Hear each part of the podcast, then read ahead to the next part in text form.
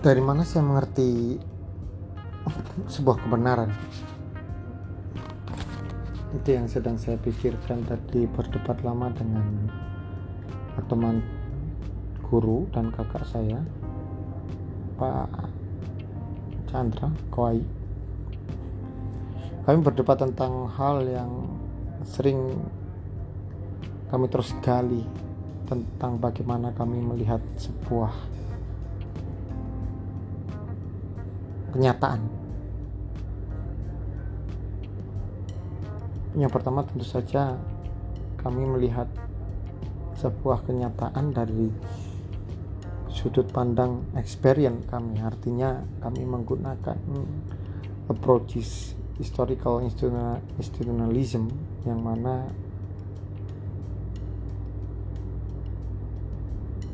sebuah kenyataan kami artikan seperti kenyataan yang berada di masa lalu.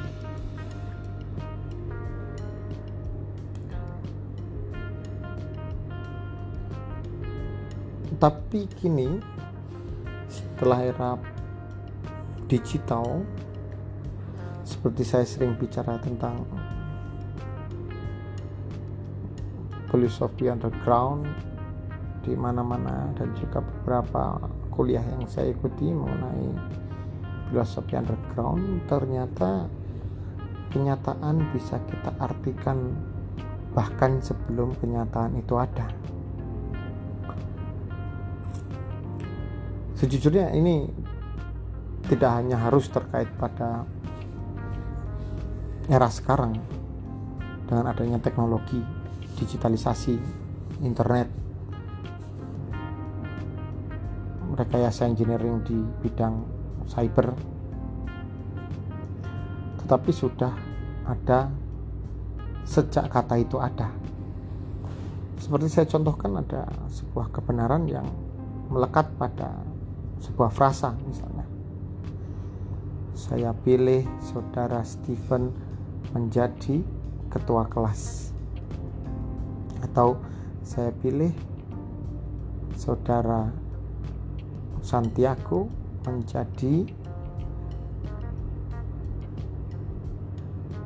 pemimpin organisasi Indonesia Berserikat. Artinya apa? Ketika orang mengapointi seseorang, sebelum kata-kata yang dia ucap itu ada, kenyataan itu belum ada. Tapi berkat ada frasa, kalimat yang dia ucapkan maka berangsur-angsur kenyataan itu ada. Seperti pada Katolik saat kita menikah saya menikahi saudara saudari Bernadetta Christie.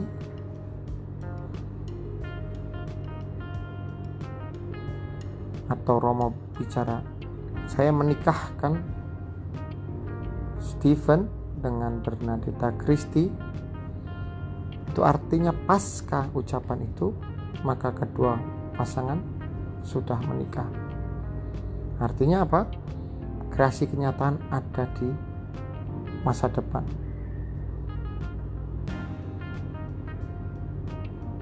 Nah sekarang pertanyaannya adalah adakah sebuah kenyataan yang muncul sebelum kenyataan itu ada? Yaitu tadi.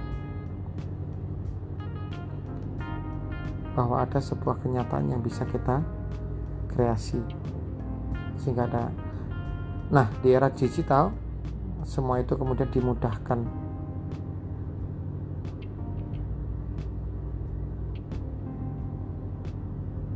Social engineering rekayasa sosial melalui internet sosial media memudahkan orang mengkreasi pasca realita sebuah kenyataan di masa depan saya bertaruh besar pada sebuah dilema ya tentang bagaimana Anda mengagregasi sebuah kenyataan. Kenapa saya bertaruh besar? Karena mungkin kenyataan yang Anda lihat dan sepakati memiliki arti yang beda karena kalian, Anda dengan saya memiliki perbedaan sudut pandang secara historik, experience, akademistik, maupun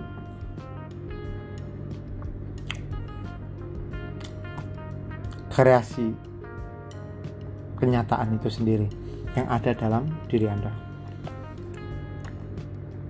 Saya contohkan misalnya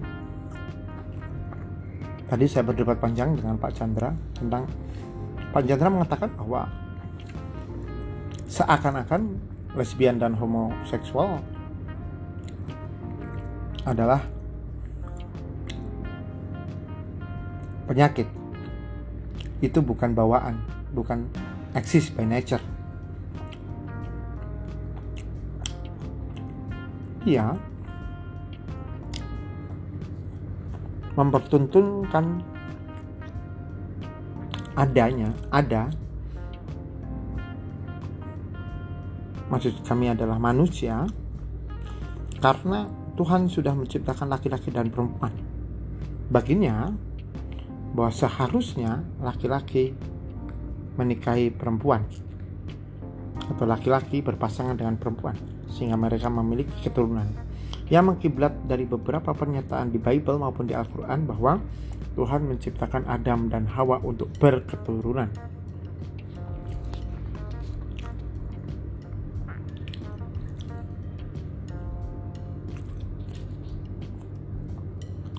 Saya tidak menyangkal apa yang beliau sampaikan kepada saya, tetapi menurut saya apa yang disampaikan oleh Pak Chandra memiliki bias pikir. Dia terlalu terlena dengan doktrin agama. Sehingga dia melupakan hal penting yang ada dalam sebuah realita yaitu bahwa realita mengandung semiotika, mengandung logika, dan mengandung ruang dan waktu.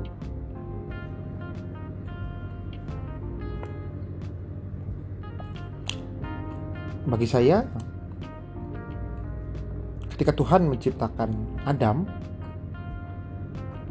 maka Tuhan menciptakan ada eksis yang kemudian didefinisikan sebagai manusia, yaitu Adam, yaitu Adam yang bentuknya memiliki tangan, kaki, tubuh, pikiran, hati, dan segala macam yang berkaitan dengan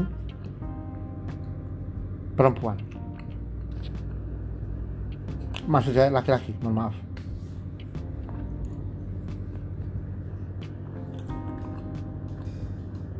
Artinya ketika yang disebut sebagai kekuatan besar itu orang lain mendefinisikan sebagai Tuhan menciptakan Adam di dalam Adam ini melekat semuanya saya ulangi melekat semuanya artinya termasuk logika dan perasaan.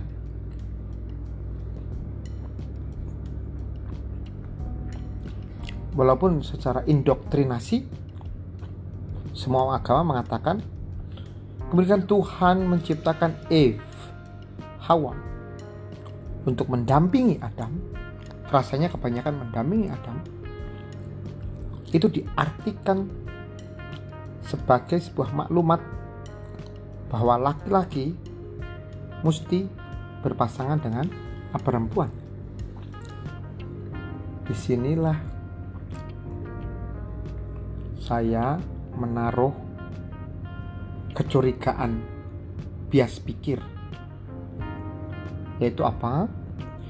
Yaitu orang yang memiliki sudut pandang ini mungkin saja sedang mencampur adukkan antara doktrinasi agama dengan penalaran yang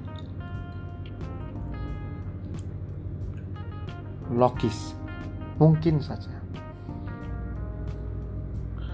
Pertama saya gali pernyataan itu dari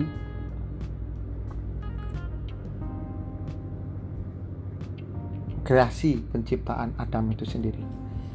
Apakah Adam diciptakan tanpa pikiran? Apakah Adam diciptakan tanpa perasaan? Apakah Adam diciptakan tanpa sebuah maklumat yang lebih spesifik misalnya dia mengandung gen A, gen B, DNA A, DNP B, kromosom X, Y kalau laki-laki apakah tidak mengandung itu? Feromon Lalu apakah juga itu pertanyaan sama saya lontarkan kepada Hawa? Apakah Hawa diciptakan tidak memiliki pikiran, tidak memiliki perasaan, tidak memiliki gen kromosom XX? Apakah seperti itu? Dan pertanyaan saya kemudian terus saya ajukan ke semua keturunan-keturunan Adam dan Hawa. Misalnya, kita menggunakan Adam dan Hawa sebagai ukuran manusia.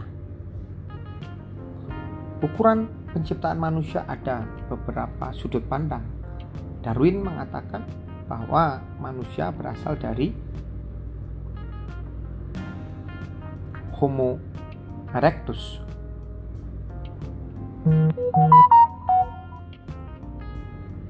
Sinyalemen ini mengatakan bahwa di sana juga ada sebuah kebebasan atau alam memberikan kebebasan tentang perubahan pada diri manusia. Yang artinya itu eksis by nature. Termasuk Adam dan Hawa dan keturunan-keturunannya kembali saya membahas Adam dan Hawa ini mohon, mohon maaf saya menggunakan angle Adam dan Hawa karena untuk memudahkan saya memberikan sinyalemen berpikir bahwa rasa cinta, rasa freedom, kebebasan berpikir, dan kebebasan melakukan hal yang melekat pada diri manusia itu eksis by nature. Bukan karena kreasi yang lain, bukan karena penyakit dan sebagainya. Kalau kita bicara masalah genetika, maka ketika laki-laki itu memiliki kromosom XY dan perempuan memiliki kromosom XX maka di sana ada pertautan yang menciptakan oh kalau perempuan ada muncul buah dada yang lebih besar dia memiliki uh, alat kelamin yang berbeda dengan laki-laki vagina misalnya. Oh kalau laki-laki maka kemudian dia memiliki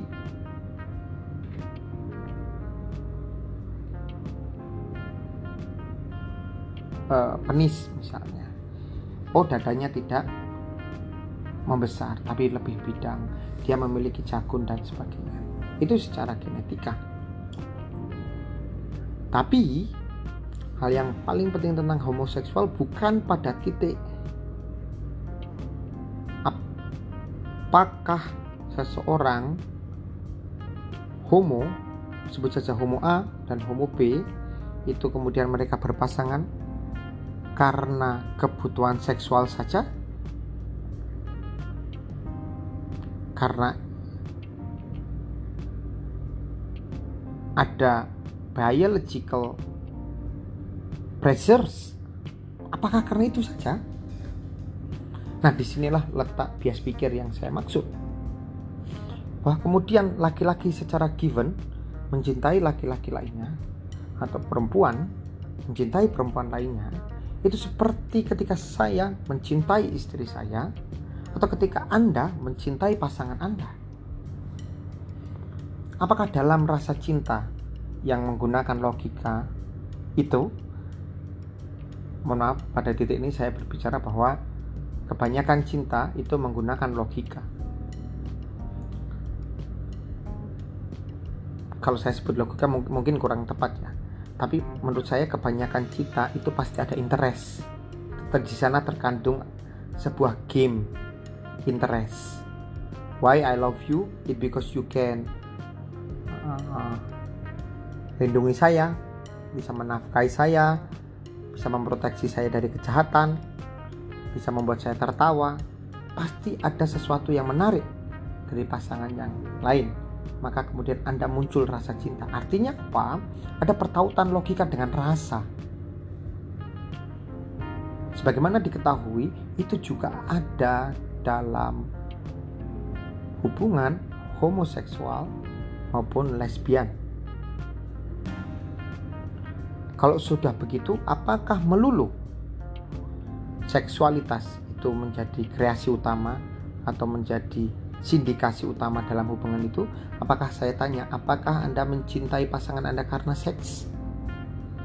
Apakah seks menjadi utama? Adakah seseorang yang mencintai pasangannya bukan karena seksual?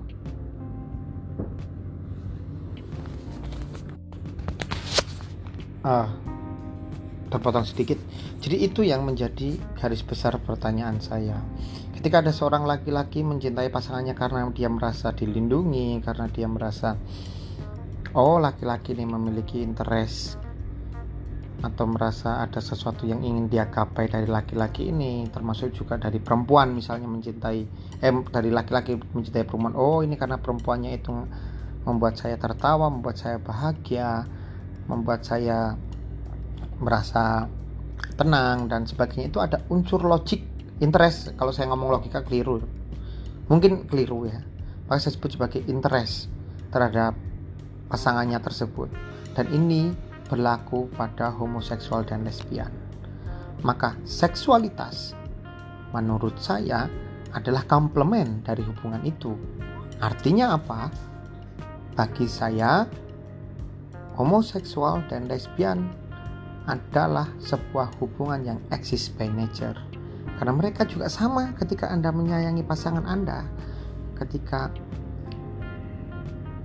saya mencintai pasangan saya, dia memiliki sebuah interest yang berbeda. Apakah hal yang pertama Anda pikir tentang seksual? Saya kira tidak. Saya kira bukan buah dari keserakahan hawa nafsu seksual. Saya kira begitu. Maka kemudian pertanyaan saya kepada Anda, apakah menurut Anda refleksi tentang lesbian dan homoseksual masih menjadi barrier terhadap logika ketuhanan dan logika kemanusiaan? Mari kita semua berpikir tentang itu dan saya mengajak Anda untuk berinteraksi para pendengar tentang apa yang saya sampaikan. Terima kasih telah mendengarkan podcast saya yang keberapa ini saya lupa. Saya hanya ingin ajak Anda berdiskusi lagi. Terima kasih. Selamat menjalankan menjalankan ibadah puasa. Tuhan memberkati kita semua.